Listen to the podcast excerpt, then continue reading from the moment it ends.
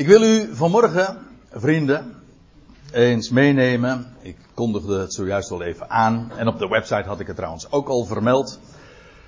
Naar een onderwerp. En u ziet het hier achter mij vermeld. De goede strijd. En het plaatje wat u daaronder ziet, ja, dat doet denken aan strijd. Of dat de goede strijd is, is natuurlijk nog maar weer de vraag. In ieder geval niet de strijd waar Paulus het over heeft. Want, dat laat ik dat er nou meteen al eventjes bij zeggen. Uh, deze uitdrukking, en we zullen hem meteen straks ook zien, die komen we een paar keer tegen in Paulus' brieven. Trouwens, de metafoor van de vergelijking dus van strijd en allerlei aanverwante begrippen, zoals uh, een soldaat zijn, en vechten, en oorlog, en wapens, en allerlei begrippen die aan dat woord zeg maar gekoppeld zijn, gerelateerd zijn, die vind je vrijwel uitsluitend bij Paulus. En dat zullen we vanmorgen trouwens ook zien. En ik ik wil een aantal schriftplaatsen met u zo de revue laten passeren waarin dat naar voren gebracht wordt. Die gedachte van, van strijd. Ik ben daarin, dat ik dat dan ook nog even bij zeggen. Ik zal zeven schriftplaatsen, dat is toevallig dat dat er zeven zijn. Dat lijkt een mooie volheid, maar dat is, uh, dat is niet zo eens uh, direct zo gepland. Maar uh, ik ben daarin zeker niet compleet, want er zijn veel meer voorbeelden van te noemen. Maar goed, dat gaat, uh, de schriftplaatsen die we dus zullen zien, die gaan over die, die goede strijd. Het feit trouwens dat er gesproken wordt over een goede strijd, dat suggereert al dat er ook uh, strijd bestaat die niet goed is. En als je even daarover doordenkt, dan begrijp je eigenlijk ook wel meteen waarom dat zo is. Ja, er bestaat ook veel onheilige strijd. Sterker nog, als ik om mij heen kijk, of ik lees de krant, of ik laat het nieuws op mij uh, in, uh, hoe zeggen ze dat, op mij inwerken, dan, uh, dan zie ik eigenlijk alleen maar, of vrijwel alleen maar, onheilige strijd. Geruzie, gevecht. Om maar niet te spreken over onheilige ja, strijd trouwens. Uh, strijd die wel de naam heeft trouwens. Oh, ook dat is nog een heel item. Uh, strijd die de naam heeft een heilige strijd te zijn. Een heilige oorlog. Of zal ik het op zijn Arabisch dan zeggen. Waar, wat trouwens niet uh, de taal is waar ik mij doorgaans zo vaak in uitlaat. Maar de jihad. Hm, dat heet dan een heilige oorlog. Maar ik zal u dit vertellen. Dat is niet wat Paulus met de goede strijd bedoelt.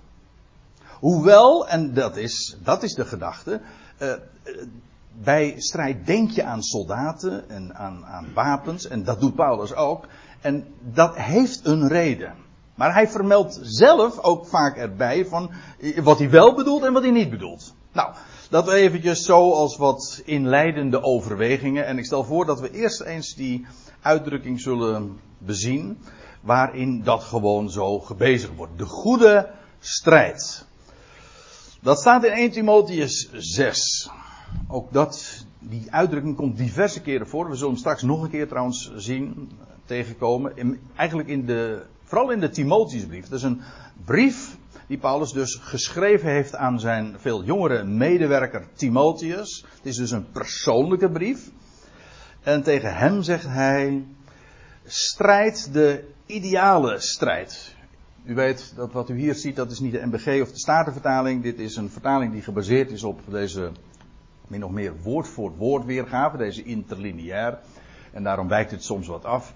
En u vindt het misschien wat vreemd als ik dat zo zeg, de ideale strijd. Eigenlijk is dat namelijk het woord.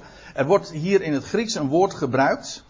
Dat is kalos, dat mag u gewoon weer vergeten. Maar dat, is, uh, dat heeft inderdaad de betekenis van goed, maar dan niet in de morele zin van het woord bijvoorbeeld een goed werk doen voor, voor je zieke buurvrouw. Dat is een heel andere gedachte. Maar goed in de kwalitatieve zin. Bijvoorbeeld je zegt de wijn is goed. Dat wil zeggen is ja, puik, is voortreffelijk. Uh, of als je bijvoorbeeld je zegt het is een goed schilderij of het is een goed muziekstuk. Daarmee bedoel je dat de kwaliteit goed is. Ideaal of voortreffelijk. Daarover zou je kunnen kibbelen. Nee, dat doen we dus. Dat is een onheilige strijd dus. Maar uh, of dat dit het beste woord is wat het weergeeft. Maar het gaat, het gaat er maar even om dat als dat Paulus dat woord gebruikt, dan heeft hij het over een voortreffelijke, een goede in de kwalitatieve zin van het woord. En dan zegt hij dus tegen Timotheus, het is inmiddels ongeveer het laatste hoofdstuk van deze eerste brief. En dan zegt hij, strijd, die ideale strijd van het geloof. En ik heb de neiging om dan meteen al eventjes daar ook uh, op te wijzen. Nee, ik, doe het, ik doe dan ook meteen, laat ik het niet onderdrukken. De ideale strijd van geloof. Het geloof. En als Paulus dat heeft over geloof, dan, dan bedoelt hij vaak, heel dikwijls zegt hij geloof. Niet van werken, nee, de ideale strijd van geloof. Dat wil zeggen het vertrouwen dat hij het doet. Dus het heeft niet te maken met, met de prestaties. Dus dat geeft al aan, juist omdat het de strijd van het geloof is. Hij doet het. En, maar juist als je daarvoor uitkomt, brengt dat strijd met zich mee. Dat is het. Uh, laat ik het eerst nog eventjes verder lezen. Hij zegt er dan nog bij, en daar moet ik dan uh, eventjes kort over wezen, omdat dat weer een wat ander onderwerp is. Pak vast of grijp, pak vast het Ionische, of zo u wilt het eeuwige leven. Dat wil zeggen dat leven van die toekomende eeuw, tot waarin je werd geroepen. Dat wil zeggen, Paulus zegt tegen Timotheus, pak dat nu al vast. Dat die, die toekomende eeuw, uh, daar, en de rol die wij als gelovigen daarin straks ook zullen spelen. We zijn, worden hier feitelijk, dat is de gedachte die ook elders dan wordt, in deze brief ook wordt ontwikkeld van, ja, we, nu is het lijden. Maar dat is eigenlijk, dit hele leven is een trainingsprogramma, als ik het zo mag zeggen. Voor de tijd dat we straks onze positie gaan innemen als heersers. Om koningen te zijn. Echt waar. Dus daartoe werden we geroepen. Ik bedoel, God heeft de hele schepping op het oog. Maar vandaag het volk dat uitgeroepen wordt, dat is een selectie en die is bestemd voor de troon. En het hele proces wat hier op aarde plaatsvindt, vanaf het, vanaf het moment dat we geroepen worden, worden we getraind eh, met het oog daarop ook. Dat is dat Ionische leven. Dat is die toekomende eeuw of toekomende eeuwen. Waarin we die positie zullen innemen. Afijn, dat, daar hou ik het even bij. Ik, kom, uh, ik lees even verder in hetzelfde vers nog. Hij zegt dus eerst strijd de ideale strijd van het geloof. En zegt hij, de ideale, heb je weer datzelfde woord, beleidenis, beleid. Hè, in het zicht van vele getuigen. En dat is ik, heb dit, ik betrek dit er even bij, omdat hier gesproken wordt over de ideale strijd en over de ideale beleidenis. Beleiden. En beleiden heeft altijd te maken met voor iets uitkomen. Je gelooft in je hart. En met de mond beleid je. Kom je er vooruit. En juist dat brengt strijd met zich mee. Al als je alleen nog maar gelooft en je houdt dat gewoon voor jezelf, dan betekent dat meestal helemaal geen strijd. Dan heb je geen strijd. Hooguit een innerlijke strijd. Doordat je geweten je gaat aanklagen, doordat je iets verzwijgt waarvan je, ja, dat je eigenlijk bekend mag maken. Je onthoudt daarmee de ander zoveel gods. Dat geeft een innerlijke strijd, maar eh, het geeft geen conflict met je omgeving. Op het moment dat je uitkomt, dat is de gedachte, op het moment dat je uitkomt voor het geloof, dan betekent dat in een vijandige wereld strijd. Dat is dus niet omdat jij zoekt te strijden. Nee, je komt uit voor de waarheid, voor wat God gesproken heeft, voor zijn belofte. Maar juist omdat dat niet gepruimd wordt in de filosofische, maar vooral in de godsdienstige wereld, brengt dat strijd met zich mee. Nou, Paulus zegt, doe dat. Kom daar gewoon vooruit. En dat is juist ook uh, ja, die, die, die ideale strijd. Dat heeft dus alles te maken met het beleiden van en het uitkomen voor. Je zoekt wat? Of iemand? Sorry? Oh ja, enigszins, ja. Oké.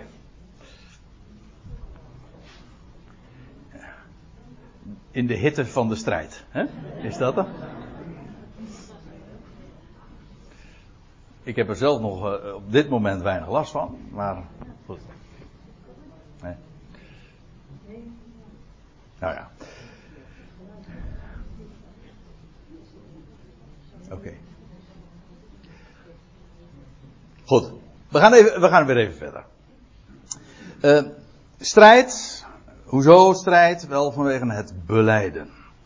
En die ideale beleidenis, dat is dus ook weer die voortreffelijke beleidenis. Dat wat je, waar je voor mag uitkomen. Voor het geloof. Dat is voortreffelijk, dat is mooi, dat is kwalitatief. Zo. Goed. Ik lees nog even verder. Uh, in, dit was dus 1 Timotheus 6. Nu gaan we naar de tweede Timotheusbrief. En dat is Paulus' geestelijk testament. En dan in het laatste hoofdstuk van die brief, dan kijkt Paulus terug. Hij staat op het punt om geëxecuteerd te worden. Moet u nagaan, over strijd gesproken. Hij zegt uh, dan dit. In, dat is een van zijn laatste woorden die we van hem nog hebben. Uh, in, al in het voorafgaande of het navolgende, daar blijf ik even vanaf. Daar lees je dat hij zegt: Het punt van mijn verscheiden, dat staat voor de deur. Dat wil zeggen, hij weet van. Uh, binnenkort word ik omgebracht, hoe dan ook. De doodstraf zou hij ondergaan. En dan trouwens ook de moed, de kracht, de vrede die hij heeft. totaal geen klaagtoon. Uh, het is een ernstige brief, dat wel, maar uh, ook weer zo'n brief waarin de vrede en de vreugde en de moed van, ja, dat, dat kan alleen van boven komen. Uh, dat klinkt daarin zo geweldig door. En dan blikt Paulus door, dus terug en dan zegt hij de ideale strijd, waar die Timotheus eerder toe aanmoedigde, strijd, die ideale strijd. Hier zegt hij, de ideale strijd heb ik gestreden. Dat is nu voor mij voorbij. Moet je nagaan, de, de executie wachtte nog. Maar hij zegt, de strijd heb ik gestreden. Wat dat betreft hebben we natuurlijk, ik realiseer me dat heel erg goed. Uh, wij leven natuurlijk in, wat dat betreft, zulke, ja, het heeft, of het goed of niet goed is, dat is lastig te beoordelen. Dat hangt er namelijk vanaf, uh, ja, tegen wat je het zeg maar afzet en, en aan de hand waarvan je dat beoordeelt. Maar laat ik het zo zeggen, wij leven natuurlijk wel in enorm luxe tijden. Dat we gewoon hier kunnen uitkomen voor dat woord wat Paulus toen sprak. Maar hij werd erom geëxecuteerd. En er zijn heel veel periodes in de, in de, in de afgelopen 2000 jaar geweest. waarin exact hetzelfde gebeurde. Waar, waarbij als je datzelfde zei. als waar we nu vrijelijk voor mogen uitkomen. gewoon op de brandstapel belanden. Absoluut. En die strijd, en dat is heel opmerkelijk. dat was in Paulus dagen zo. en dat is. Uh, bijna altijd het geval, komt vanaf godsdienstige kant.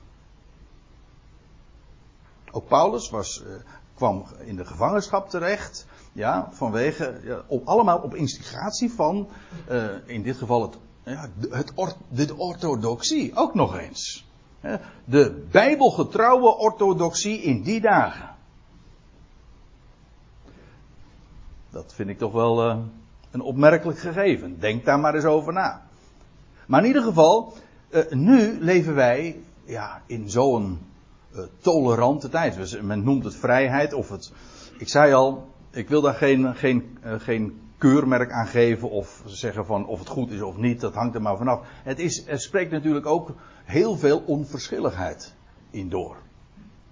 wij noemen het tolerantie, maar mensen, je, je zegt maar wat, maakt helemaal, ons helemaal niks uit. Weet je wel. Het is niet zo dat, dat ze je uh, vrijheid gunnen op zich, omdat ze het de moeite waard vinden dat dat geluid vertolkt wordt. Maar het is, ach, je zegt maar wat. Maar op, in die luxe leven wij dus.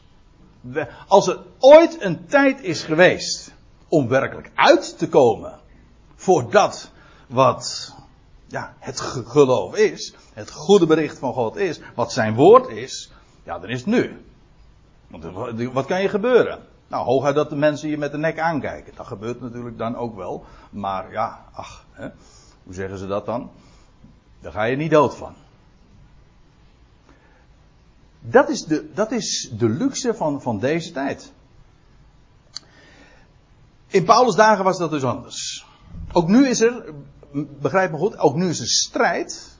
Maar het is wel vergeleken met verreweg de, uh, langs de, de meeste tijden die voor ons liggen, maar ook op plek, plekken elders in de wereld, is het een enorm luxe gegeven waarin wij ons momenteel bevinden. Paulus zegt, die ideale strijd nu, hè, nu hij, hij, bijna geëxecuteerd dreigt te worden, de ideale strijd heb ik gestreden. De loopbaan heb ik tot een einde gebracht.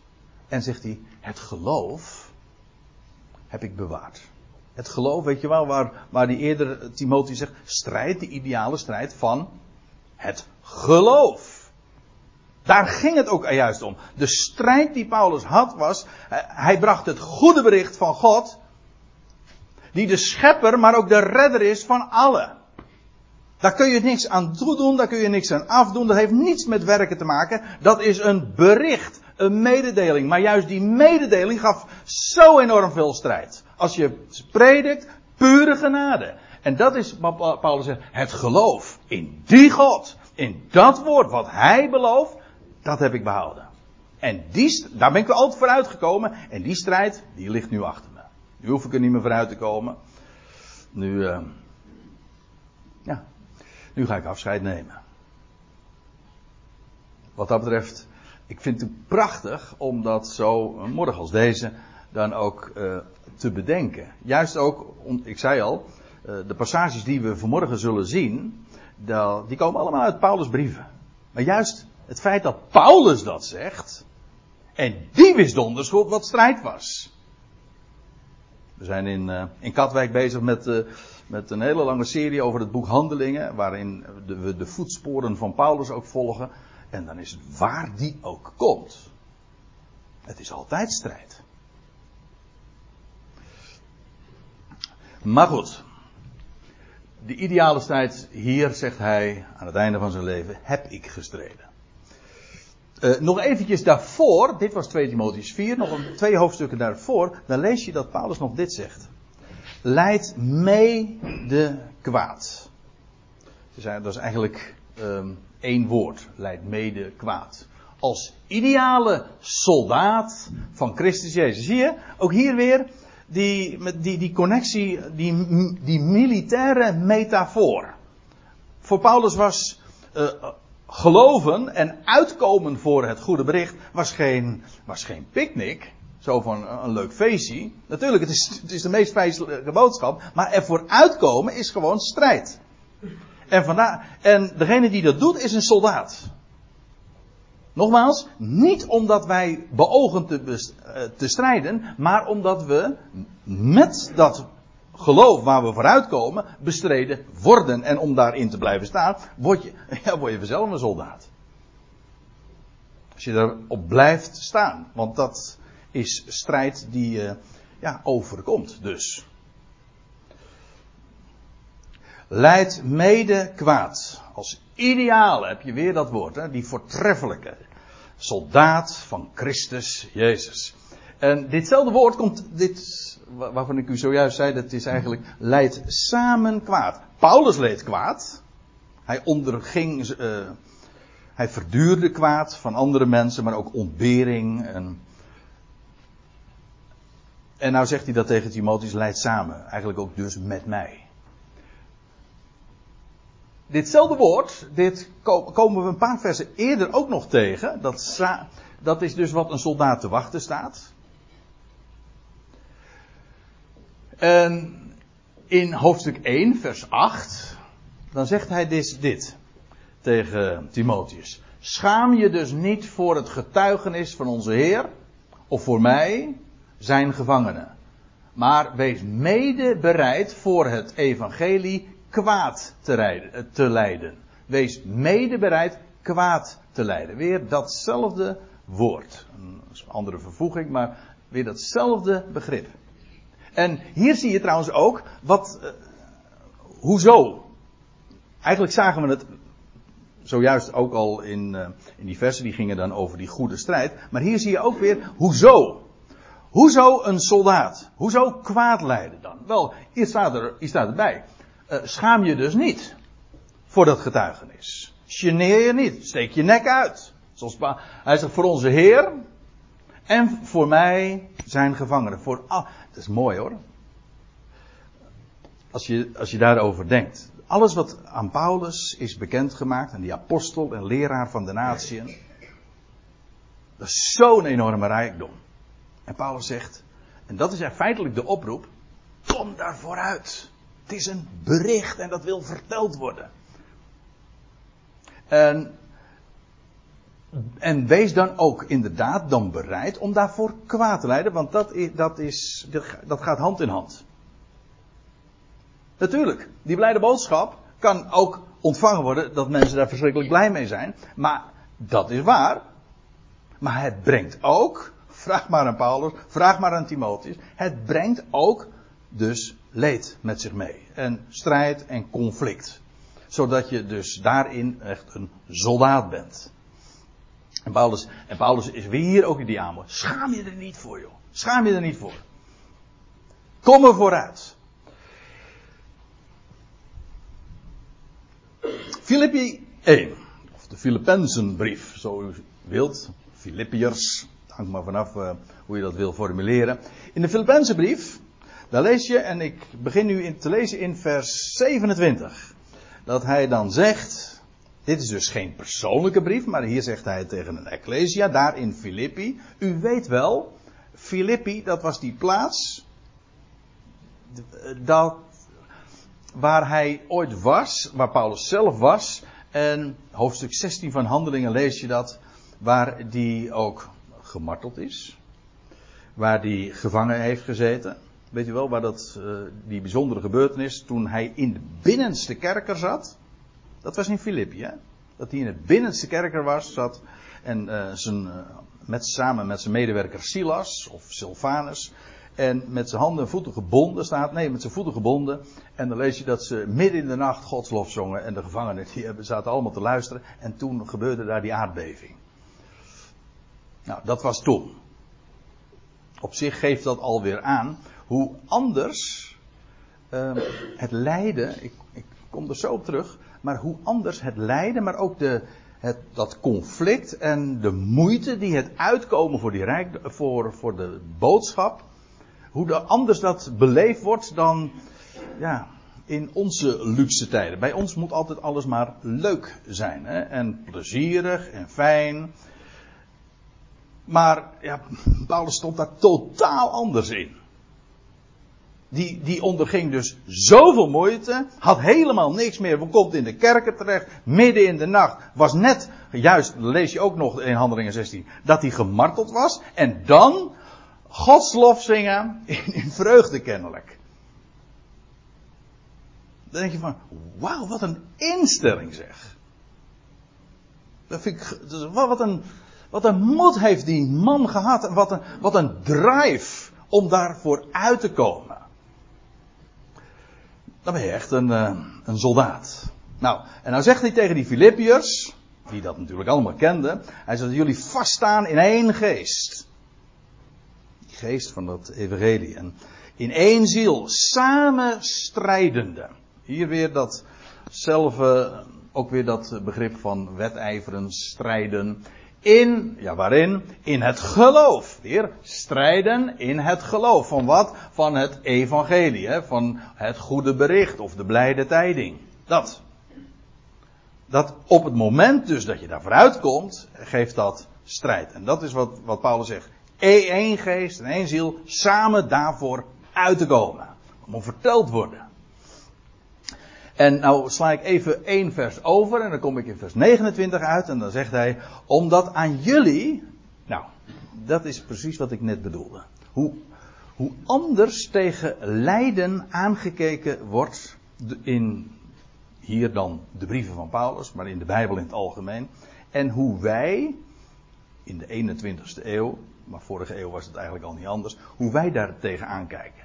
Wij kijken daar heel, ja, ik zou maar zeggen, verwekelijkt tegenaan. Hm? Kijk, natuurlijk, niemand zoekt lijden. Niemand zoekt verdriet, moeite. Maar hoe de instelling is, zoals Paulus daar tegenaan kijkt. In dit geval gaat het dus over heel specifiek lijden. Het gaat hier dus niet over ziekte, moeite, of verdriet dat je kunt hebben in de familie, of dat soort omstandigheden. Nee, het gaat hier puur over dat, dat verdriet, die moeite, dat kwaad lijden, uh, dat je ondergaat omdat je uitkomt voor Hem. En voor dat evangelie wat aan Paulus was toevertrouwd en wat hij onder de natieën bekend maakte. En dan zegt hij in vers 29, omdat aan jullie de genade wordt verleend, de genade, ja, het is ook weer, ook dat is één woord. Eigenlijk genadig wordt gegeven of genadig wordt verleend. Genade, u weet het hè. Genade, dat is charis en dat betekent vreugde om niet. Houd dat vast. Ik vind het altijd belangrijk om zulke woorden even te decoderen. Want eh, om ze eventjes ook van zijn uh, schijnbare helderheid vaak te ontdoen. Want het woord, uh, bepaalde woorden gebruiken we zo vaak. Uh, maar eigenlijk als je dan vraagt van ja, wat betekent het eigenlijk? Joh? Dat weet ik ook niet. Nou, genade dat is vreugde om niet. Het werd in het, eh, dat is wel mooi om dat er even bij te vermelden. In het Grieks, in het Grieks, uh, het buitenbijbelse Grieks, was het ook een bekend begrip. Men gebruikte dat voor de dingen die je genoot in het leven, waar je blij om was en die je zomaar gratis voor niks krijgt. Bijvoorbeeld, je ziet s morgens de zon opgaan, of je geniet van het ontbijt, van de mooie dingen van het leven. En dat heet dan genade. Iets wat je zomaar krijgt en waar je niks voor hoeft te betalen, dat is charis. Zowel het element van vreugde zit erin, maar ook het, het, het is om niets. Genade dus. Nou, Paulus zegt, het is genade, aan jullie is de genade verleend ten behoeve van Christus, dus het is allemaal voor zijn zaak. Niet alleen in hem te geloven, alleen dit al, maar daar zou je, daar moet je even stilbestaan. Voordat we verder gaan, moeten we hier even stilstaan. Het is genade in hem, Christus, te mogen geloven. Het is genade om in hem te geloven. Dat betekent dus, het is iets wat hij jou geeft. Als je ogen open gaan voor wie hij is, dat hij redder is, dat je dat mag geloven. Nee, ik zeg niet dat als jij gelooft dat hij redder wordt. Nee, dat is juist niet het evangelie. Het evangelie is, hij is jouw redder en dat mag ik geloven. En als je het mag geloven, dan, is daar, dan worden daar je ogen voor geopend. Diezelfde uh, in, in, in Handelingen 16, waar ik het zojuist over had, over de Filippi, weet u wel. Daar, daar woonde een mevrouw, die heette. Hm? Lydia. Lydia, Lydia, en daarvan lees je, zij was purperverkoopster. Ze kwam uit een andere stad, maar zij was purperverkoopster. En van, van, haar lees je dat ze luisterde naar wat Paulus te, te zeggen had. En dan staat er, en de Heere opende haar hart zodat ze aandacht schonk aan hetgeen Paulus te vertellen had. Dat wil zeggen, de Heer veranderde haar van binnen, zodat zij hoorde wat hij zei. Met andere woorden, als je dat mag verstaan, ik bedoel dat letterlijk, als je het mag verstaan als het gewoon binnenkomt. En je begrijpt, het kwartje valt, is dat iets wat wij doen? Nee, dat is wat hij doet. Dat is genade die je verleend wordt. Om hem te geloven.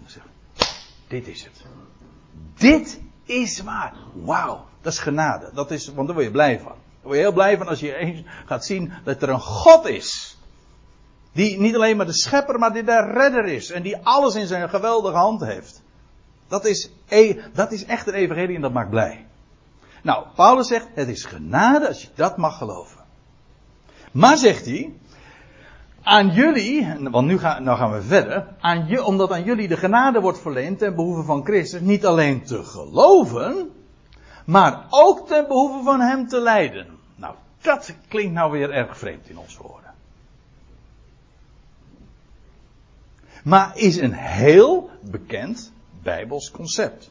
We vinden dat namelijk veel vaker terug. Het is dus genade in hem te mogen geloven, maar het is ook een vreugde. Zo zegt Paulus dat. Voor Paulus was het gewoon een vreugde, dus om voor hem ook, voor hem, ten behoeve van hem, te lijden. Dat wil zeggen, je gelooft het, dat is genade, en ervoor uit te komen en dan vervolgens met de nek worden aangekeken. Dit is de vriendelijke variant. Ja, dat meen ik, dat is, dat is gewoon vriendelijk.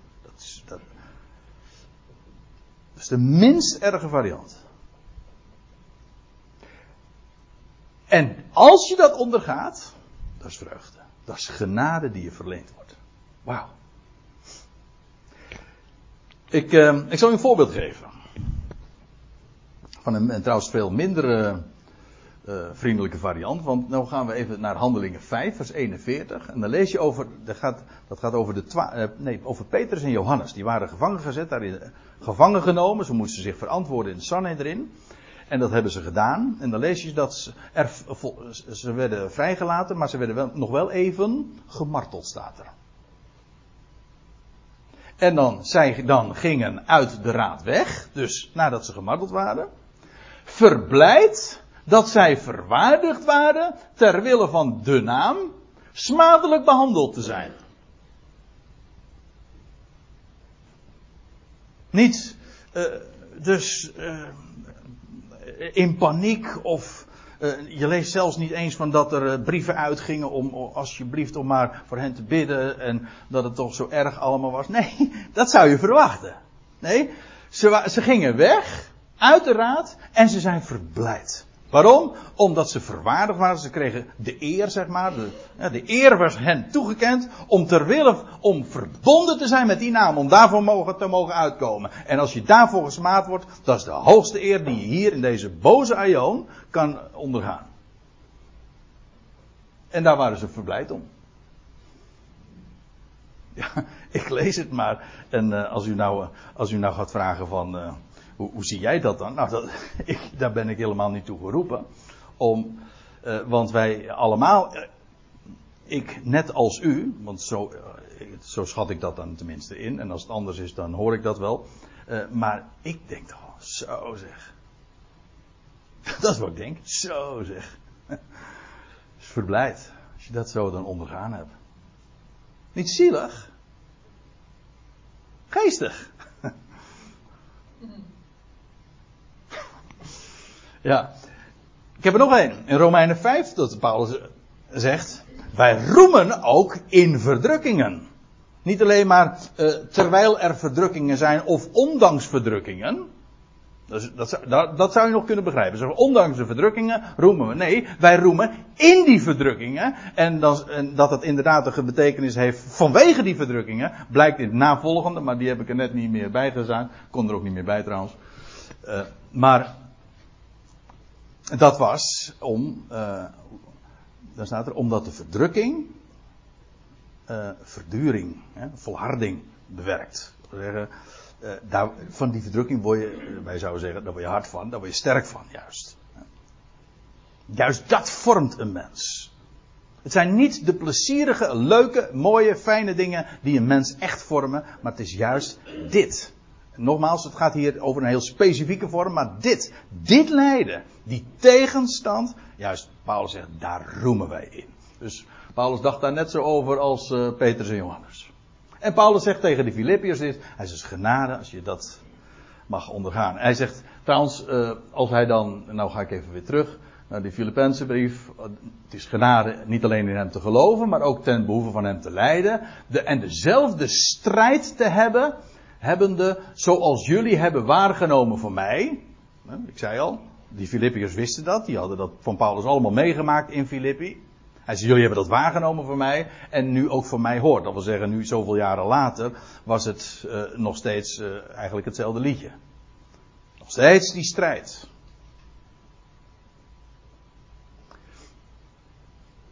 Dus die Philippe, dat is wat Paulus dus zegt. Het is geweldig dat jullie, jullie diezelfde, jullie medestrijders zijn.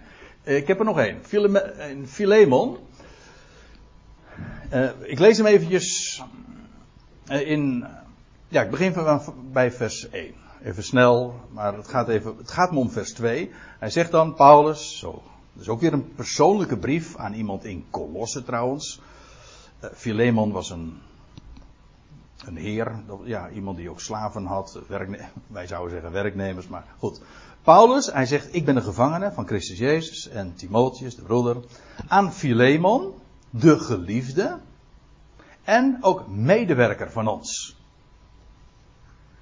Dat was de connectie die er was dus met Philemon was dat hij ja, hetzelfde het geloof deelde, maar ook een medewerker. Dat wil zeggen om dat, om dat getuigenis uit te dragen. Dat heeft dus niks te maken met een administratieve uh, connectie of dat je zelf de ingeschreven staat in dezelfde ledenlijst. Nee, hij was een medewerker. Gewoon in diezelfde, die, die boodschap uit te dragen. En zegt hij erbij, en aan Apfia, de zuster, die we verder trouwens niet kennen, en aan Archippus. En dan staat er, nou komt het, de medesoldaat van ons. En aan de Ecclesia in jouw huis. Dat was allemaal een, een klein gebeuren, mag ik aannemen. Nou ja, tenzij het een heel groot huis is geweest. Maar in ieder geval, zo massaal was dat ook weer niet. Maar het was, hadden een ecclesia aan huis en Paulus zegt uh, aan Archippus. En hoe karakteriseert hij hem? Als de medesoldaat, de medestrijder. Dus weer zo'n zo, weer zo'n militaire term. Ziet u hoe, hoe vaak dat, en ik zit nu al, ik zit zo door de, de brieven wat te bladeren en al dat soort termen bij elkaar te harken, zeg maar. En dan kom je het zo vaak tegen, die gedachte van. Ja. En die Ecclesia krijgt dan feitelijk ook het karakter van een soort kazerne. Een plaats waar je elkaar als soldaten ontmoet. En, en elkaar een hart onder de riem steekt, getraind wordt en ja, waarin je onderwezen wordt. Dat is de gedachte. Dus.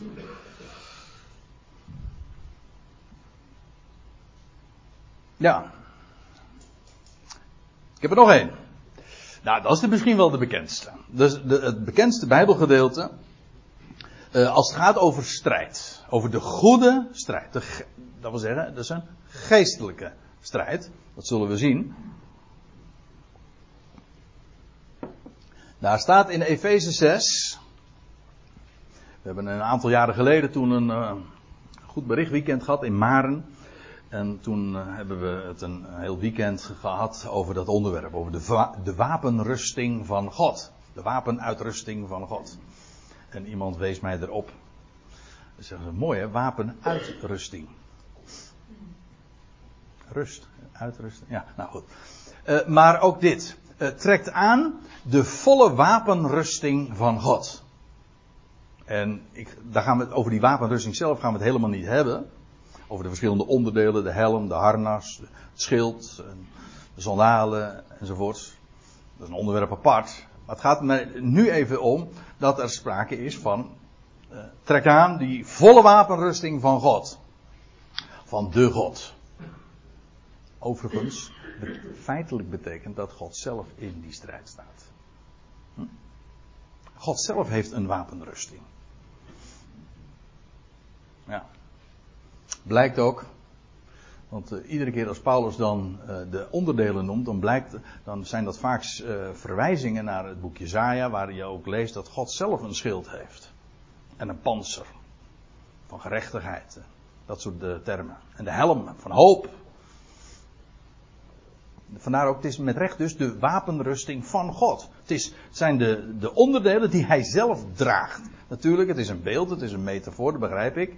Maar het idee geeft ook inderdaad van de strijd. Hoe uh, behaalt hij de overwinning zo? En daarom trekt aan die volle wapenrusting van God.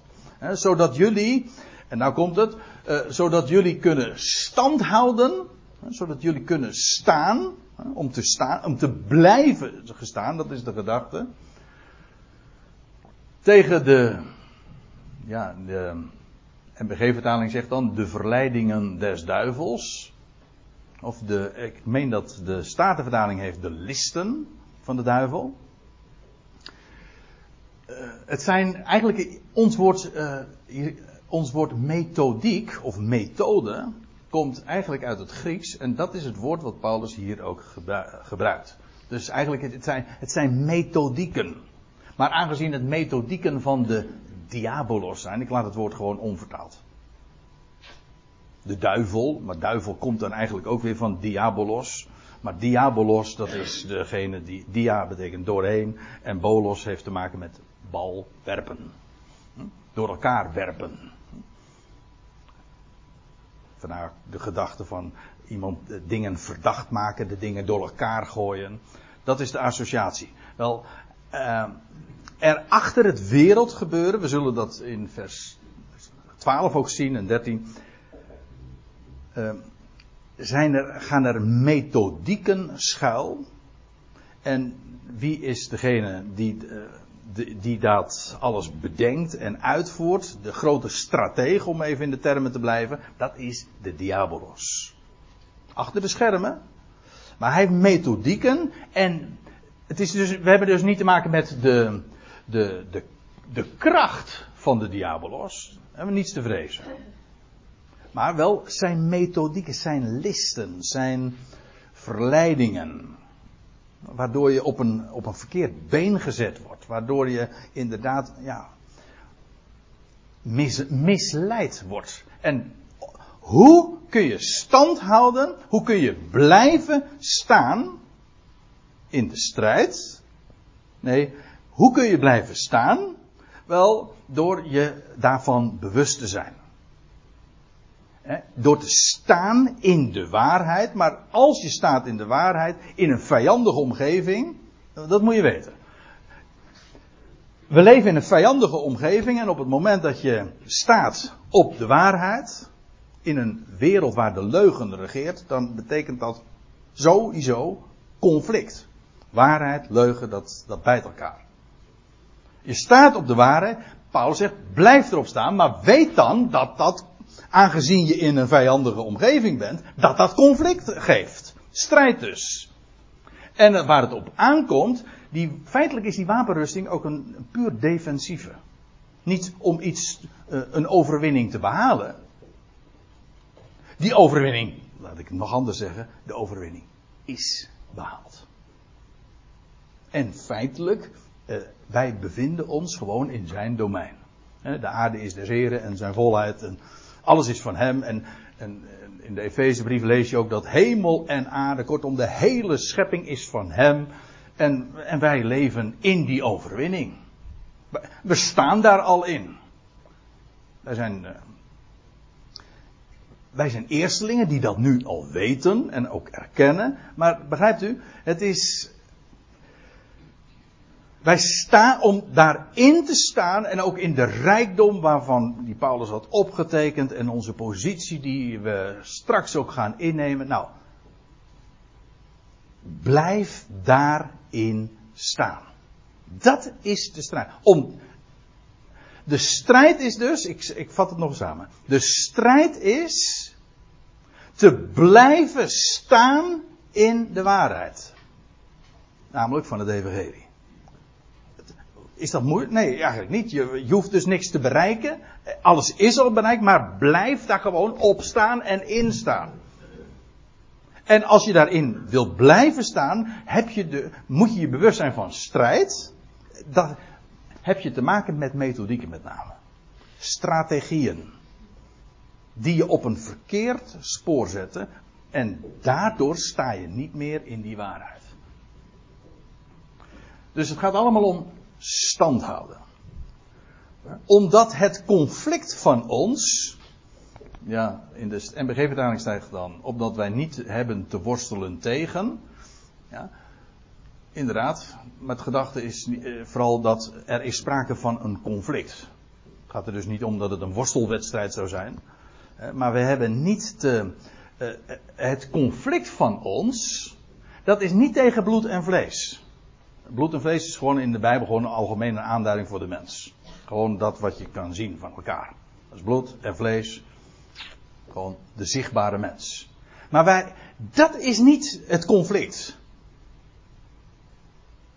Dat is, ja, er bestaat heel veel strijd, dat wel inderdaad een strijd is van bloed en vlees. dan dat mensen het tegen elkaar gaan, uh, zich tegen elkaar gaan opzetten. Oorlogen, maar ook woordenstrijd, familiefetus. Dat is allemaal strijd. Er is zoveel strijd. Maar dat is allemaal strijd tegen bloed en vlees. Maar dat is niet de strijd. Sterker nog, daarin hebben we, daar, daarvan spreekt Paulus trouwens ook, daarvoor hebben we de, de, de sandalen van vrede. Dus helemaal, houd voor zover het van u afhangt vrede met alle mensen. Dus helemaal geen. Ook trouwens niet, dat is nog iets anders. En dat is trouwens ook een. Ja, dat is ook weer zo'n orthodoxe leer. Dat we moeten strijden tegen ons eigen vlees. Ja. Komt het u bekend voor? Mij wel. Ik ben daar zelf, ik heb dat vroeger heel vaak gehoord in een formuliergebed. Ik meen van in het doopformulier van de Calvinistische kerken. Wordt dat gezegd dat wij zouden strijden hè, tegen de, de wereld, de Satan en ons eigen vlees. Dat, dat is ook een onheilige strijd. Het is niet de goede strijd. Wij, we strijden niet tegen ons vlees of tegen, tegen de foute verlangens van ons. Ik weet het, het wordt heel vaak gezegd van dat we daar tegen moeten vechten. Paulus, Paulus spreekt niet over vechten, negeren. Regeren daarover door te, regeren door te negeren. We zijn boven en we, uh, Romeinen 6. Hè? Er bestaat zo'n strijd. Eh, nee, laat ik het anders zeggen. Romeinen 7, u kent dat hoofdstuk. Voor sommige mensen is het gewoon een begrip. Romeinen 7, dat is dat hoofdstuk. Dat gaat over dat Paulus zegt van ja, wat ik wil, dat doe ik niet. En, en, en, en wat ik uh, niet wil, dat doe ik juist wel. En, die, hij zegt, en in mijn leden zie ik een strijd, een gevecht. Dat is een gevecht. Hè? die vele mensen uh, strijden. En dat is een hele vrome strijd. Juist als je godsdienstig bent, zeg ik wil de Heer dienen, moet ik strijden tegen het vlees. Dat mag niet, dat mag niet. Ik probeer de hele dag te strijden tegen mijn vlees. Ik sta op, Heer, help mij om te strijden tegen mijn vlees. En, en weet je, je waar je dan de hele dag mee bezig bent? Met het vlees, ja. En dus, en u weet het, dat is een algemene uitdrukking, alles wat je aandacht geeft wordt groter. Dus uh, wat er gebeurt, per definitie, als je die strijd wint, of als je die strijd, nee niet wint, als je die strijd strijdt, verlies je. Dat is eigenlijk al het verlies op voorhand. Zoals ik vroeger te horen kreeg, als je gaat vechten met de kolenboer, dan word je zwart. Hm? En dat is ook vechten tegen dat. Dat is niet de strijd. We staan, Paulus zegt in Romeinen 6 van, uh, wij houden ervoor, uh, reken dat we dood zijn. Hè? dat we der zonde dood zijn en levend voor God. Wij leven onbekommerd voor Hem. Hoezo strijden tegen het vlees? We leven gewoon voor Hem, positief. En dat andere, dat vlees, al, waar men dan geacht wordt tegen te strijden, dat, dat negeren we, dat, daar hebben we het niet eens over. Op het moment dat je het aandacht geeft, daarom uh, ben ik er ook maar kort over, uh, voed je het alleen maar. Moet je niet doen. Het conflict van ons is niet tegen bloed en vlees. Niet om ons heen en ook niet in onszelf.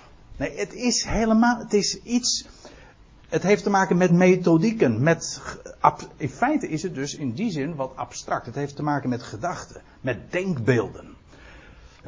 En die worden allemaal, en die komen vanuit uh, een terrein waar die ons, die ontrokken zijn aan ons oog. Hij zegt, het is tegen de overheden, tegen de autoriteiten, tegen de ik heb het woord maar onvertaald gelaten, tegen de kosmocraten, de wereldbeheersers van deze duisternis. Dat wil zeggen, deze wereld is duister, met andere woorden.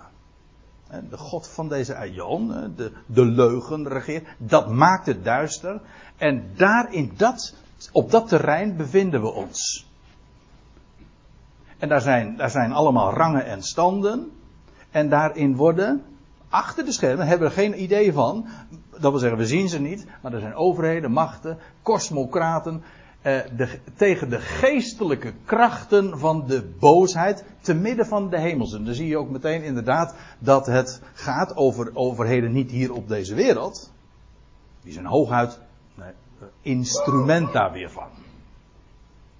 een middel. Nee, deze hele wereld is gelegen in de duisternis. En op het moment dat je, laat ik het beeld dan even gebruiken, op het moment dat je het licht aanzet, krijg je strijd. Als je, als je staat op de waarheid, dan, dan, dan ben je meteen op voorhand al dus een, een hoe zeg je dat, een object voor, voor de aanval. De tegenaanval. Wees daarop bedacht. Als je staat op de waarheid, dan krijg je te maken met leugens. En daarom blijf staan in die waarheid. En daar heb je inderdaad die wapenrusting voor nodig. En vanuit de ongeziene wereld, waar trouwens, te midden van de hemelse, juist daar is onze positie. Vandaar ook dat het feitelijk concurrenten van ons zijn. Het idee is dat als wij straks onze positie daar gaan innemen, worden zij naar beneden gegooid. Ik zeg het even heel kort, maar het is wel zo. Dus wij zijn feitelijk voor hun rivalen. En vandaar ook dat ze het op ons gemunt hebben. Maar de waarheid zelf is uh, ja, verrassend simpel. Ja, dan wil ik.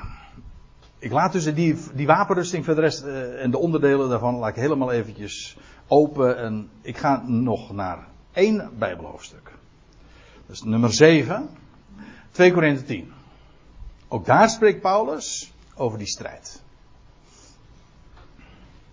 Ik hoop u in ieder geval, behalve van, uh, wat dingen uh, inhoudelijk daarover verteld te hebben, ik wil u ook daarin uh, overtuigen. Daarom behandel ik ook een, een, meer dan een handvol schriftplaatsen, om u daarvan ook te laten zien en ervan te overtuigen hoe die gedachte, dat concept van, van strijd en die metaforen van de oorlog, door heel uh, het Nieuwe Testament vooral door Paulus' brieven te vinden zijn.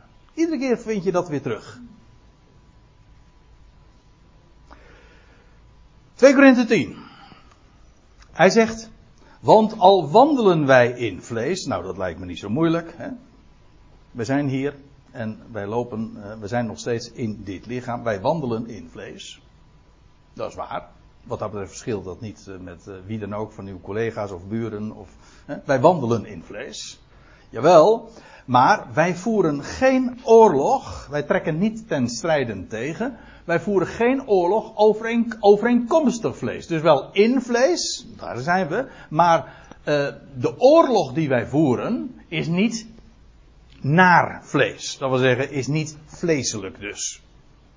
Ik bedoel, wij, hebben, wij blazen ons, ja, ja, wij blazen ons niet op. Wij verzamelen geen, wij, ik bedoel, als de Ecclesia al een, een kazerne is, ik geef toe, het staat niet zo direct in de Bijbel, maar als dat de gedachte is, hè, dan moedigen we elkaar in die geestelijke strijd. We wandelen in het vlees, maar wij verzamelen geen wapens, wij, we, we zijn geen guerrilla-beweging, wij beogen ook helemaal niet de heerschappij, want die krijgen we toch wel. Kijk, dat, dat, is nou de luxe ook. Dat is ook een luxe hè, waar we, waar, waarvan wij uit spreken. En we weten ongeveer nog wanneer ook. En, we weten, en hoezo overwinning behalen? Die overwinning is al lang een feit. We, het gaat er juist om in die overwinning te blijven staan. Zorg ervoor dat je nooit daaruit gehaald wordt. Op het moment dat je denkt het weer die, dat die overwinning te moeten behalen, ben je eigenlijk al verloren. Ik bedoel, ben je, heb je eigenlijk al, sta je al niet meer. Blijf juist staan. In dat wat je hebt. In die positie wie je mag, wie je bent in Hem. Sta en blijf erin staan. En wij voeren geen oorlog overeenkomst, overeenkomstig vlees. We zijn in vlees, maar juist in dat vlees hebben we te maken met heel andere dingen. Want, zegt Paulus, de wapens, we hebben dus wapens. De wapens van onze oorlogvoering, van onze, mag ik het zeggen, ik geef toe, ik kan zomaar tot midden verkeerde gedachten dan leiden, maar ik heb me vandaag uh, toch aardig ingedekt, denk ik. Uh, onze jihad, de wapens van onze jihad, zijn niet vleeselijk, maar vermogend voor God. De wapens. Oh, ziet u? We hebben nou verschillende woorden die daar allemaal gekoppeld zijn aan strijd. Daar zijn we nu tegengekomen. De wapens van de oorlogvoering van ons, die zijn niet vleeselijk. je niet zo met de handen pakken of uh, geoefend worden of, hoe je dat moet aanpakken. Nee, ze zijn niet vleeselijk. Maar de wapens die we hebben, die zijn wel vermogend voor de God. Hier wordt het Griekse woord dynamisch gebruikt. Dat wil zeggen, het heeft te maken met dynam, eh, met dynamiet, vermogend, kracht, machtig. We hebben dus een machtig wapen. Wa wapens, zelfs meervoud. De woorden Gods zijn wapens. Want uh, wat ze namelijk doen, eh, ze, ze halen bolwerken neer. Nou zou je, als je het zo alleen leest, zou je nog zeggen, oh dan toch, moeten we gebouwen opblazen of zo. Nee, uh, bolwerken heb je het weer over geestelijke bouwwerken. Want dat bestaat ook. Hè? Constructies van mensen met uh, hele samengestelde redeneringen, dogmatieken, filosofieën, uh, godsdienstige gedachtegangen. Dat zijn hele bolwerken. Het is, het is dus een, een bolwerk heeft te maken met een, een, uh, ja, een constructie van allerlei elementen. En die samen vormen een bolwerk en die halen wij neer. Ja, hoe dan? Nou, met die wapens van onze, van onze oorlogvoering. Die niet vleeselijk zijn, maar vermogen voor God. En wat zijn dat voor, uh, voor bolwerken? Dat zijn overwegingen uh, in de MBG-vertaling staat uh, redeneringen, uh, neerhalende of slechten, zoals dat een bolwerk slechtje, haal je neer dus.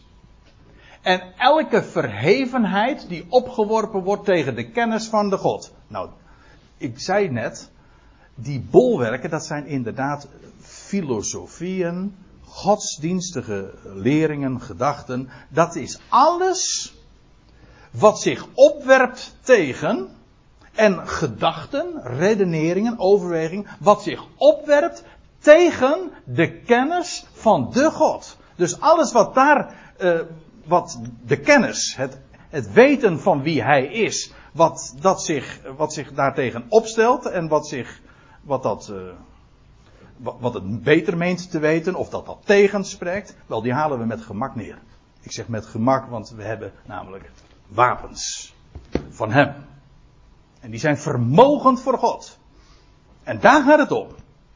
En in krijgsgevangenschap brengende elke gedachte. Dan zie je, dat is, het is dus een geestelijke zaak. Het heeft te maken met concepten. Het heeft te maken met gedachten, met abstracties dus. Het is een geestelijke strijd. Maar laat ik u dit vertellen, ook dat staan is een geestelijke zaak. Want je krijgt zoveel gedachten op je af. Van allerlei aard. Via de media. Of via je collega's. Ik bedoel, de hele wereld is omgeven van allemaal gedachten. Bedenksels. Overwegingen. Redeneringen. Die tezamen een heel bolwerk kunnen vormen. Bolwerken. Want ze zijn van allerlei aard, maar zijn, ze worden allemaal opgeworpen tegen de kennis van de God. Van wie Hij is en wat Hij heeft mede te delen, wat Hij gesproken heeft. Dan weet je ook met trouwens wat onze wapens zijn. Dat is namelijk de kennis van God. Hoe, dat wil zeggen, dat waar wij die kennis van God uh, door hebben verkregen. Nou, en dan brengen we allemaal zo uh, in elke gedachte tot in de gehoorzaamheid van de Christus. En dat is dat, dat slechten of dat neerhalen van al die overwegingen. Er komt wat op ons af. En hoe? En hoe ga je dat tegemoet? Hoe, als een militair, als soldaat? Nou, wij staan in de overwinning en we zitten gewoon overal. Ik vind het een mooi beeld. We zetten overal de vlag van zijn, van, van zijn overwinning neer. Hij is de overwinnaar. Hij is Heer. Hij is de redder. Laat die vlaggen wapperen, zou ik zeggen. Dat is trouwens toch wel weer een heel feestelijk ding. Dat is een genade dat je verleend wordt. om, nu al, om nu al die vlaggen te laten wapperen. We, we anticiperen feitelijk daarmee op de toekomst. Want straks is de aarde vol, straks is de aarde vol van de kennis des Heren. Van de kennis van Yahweh. En wij zetten die vlaggen daar nu al neer. Dat is inderdaad een strijd, want we doen het in de vijandige omgeving. Maar het is genade die ons daarin verleend wordt.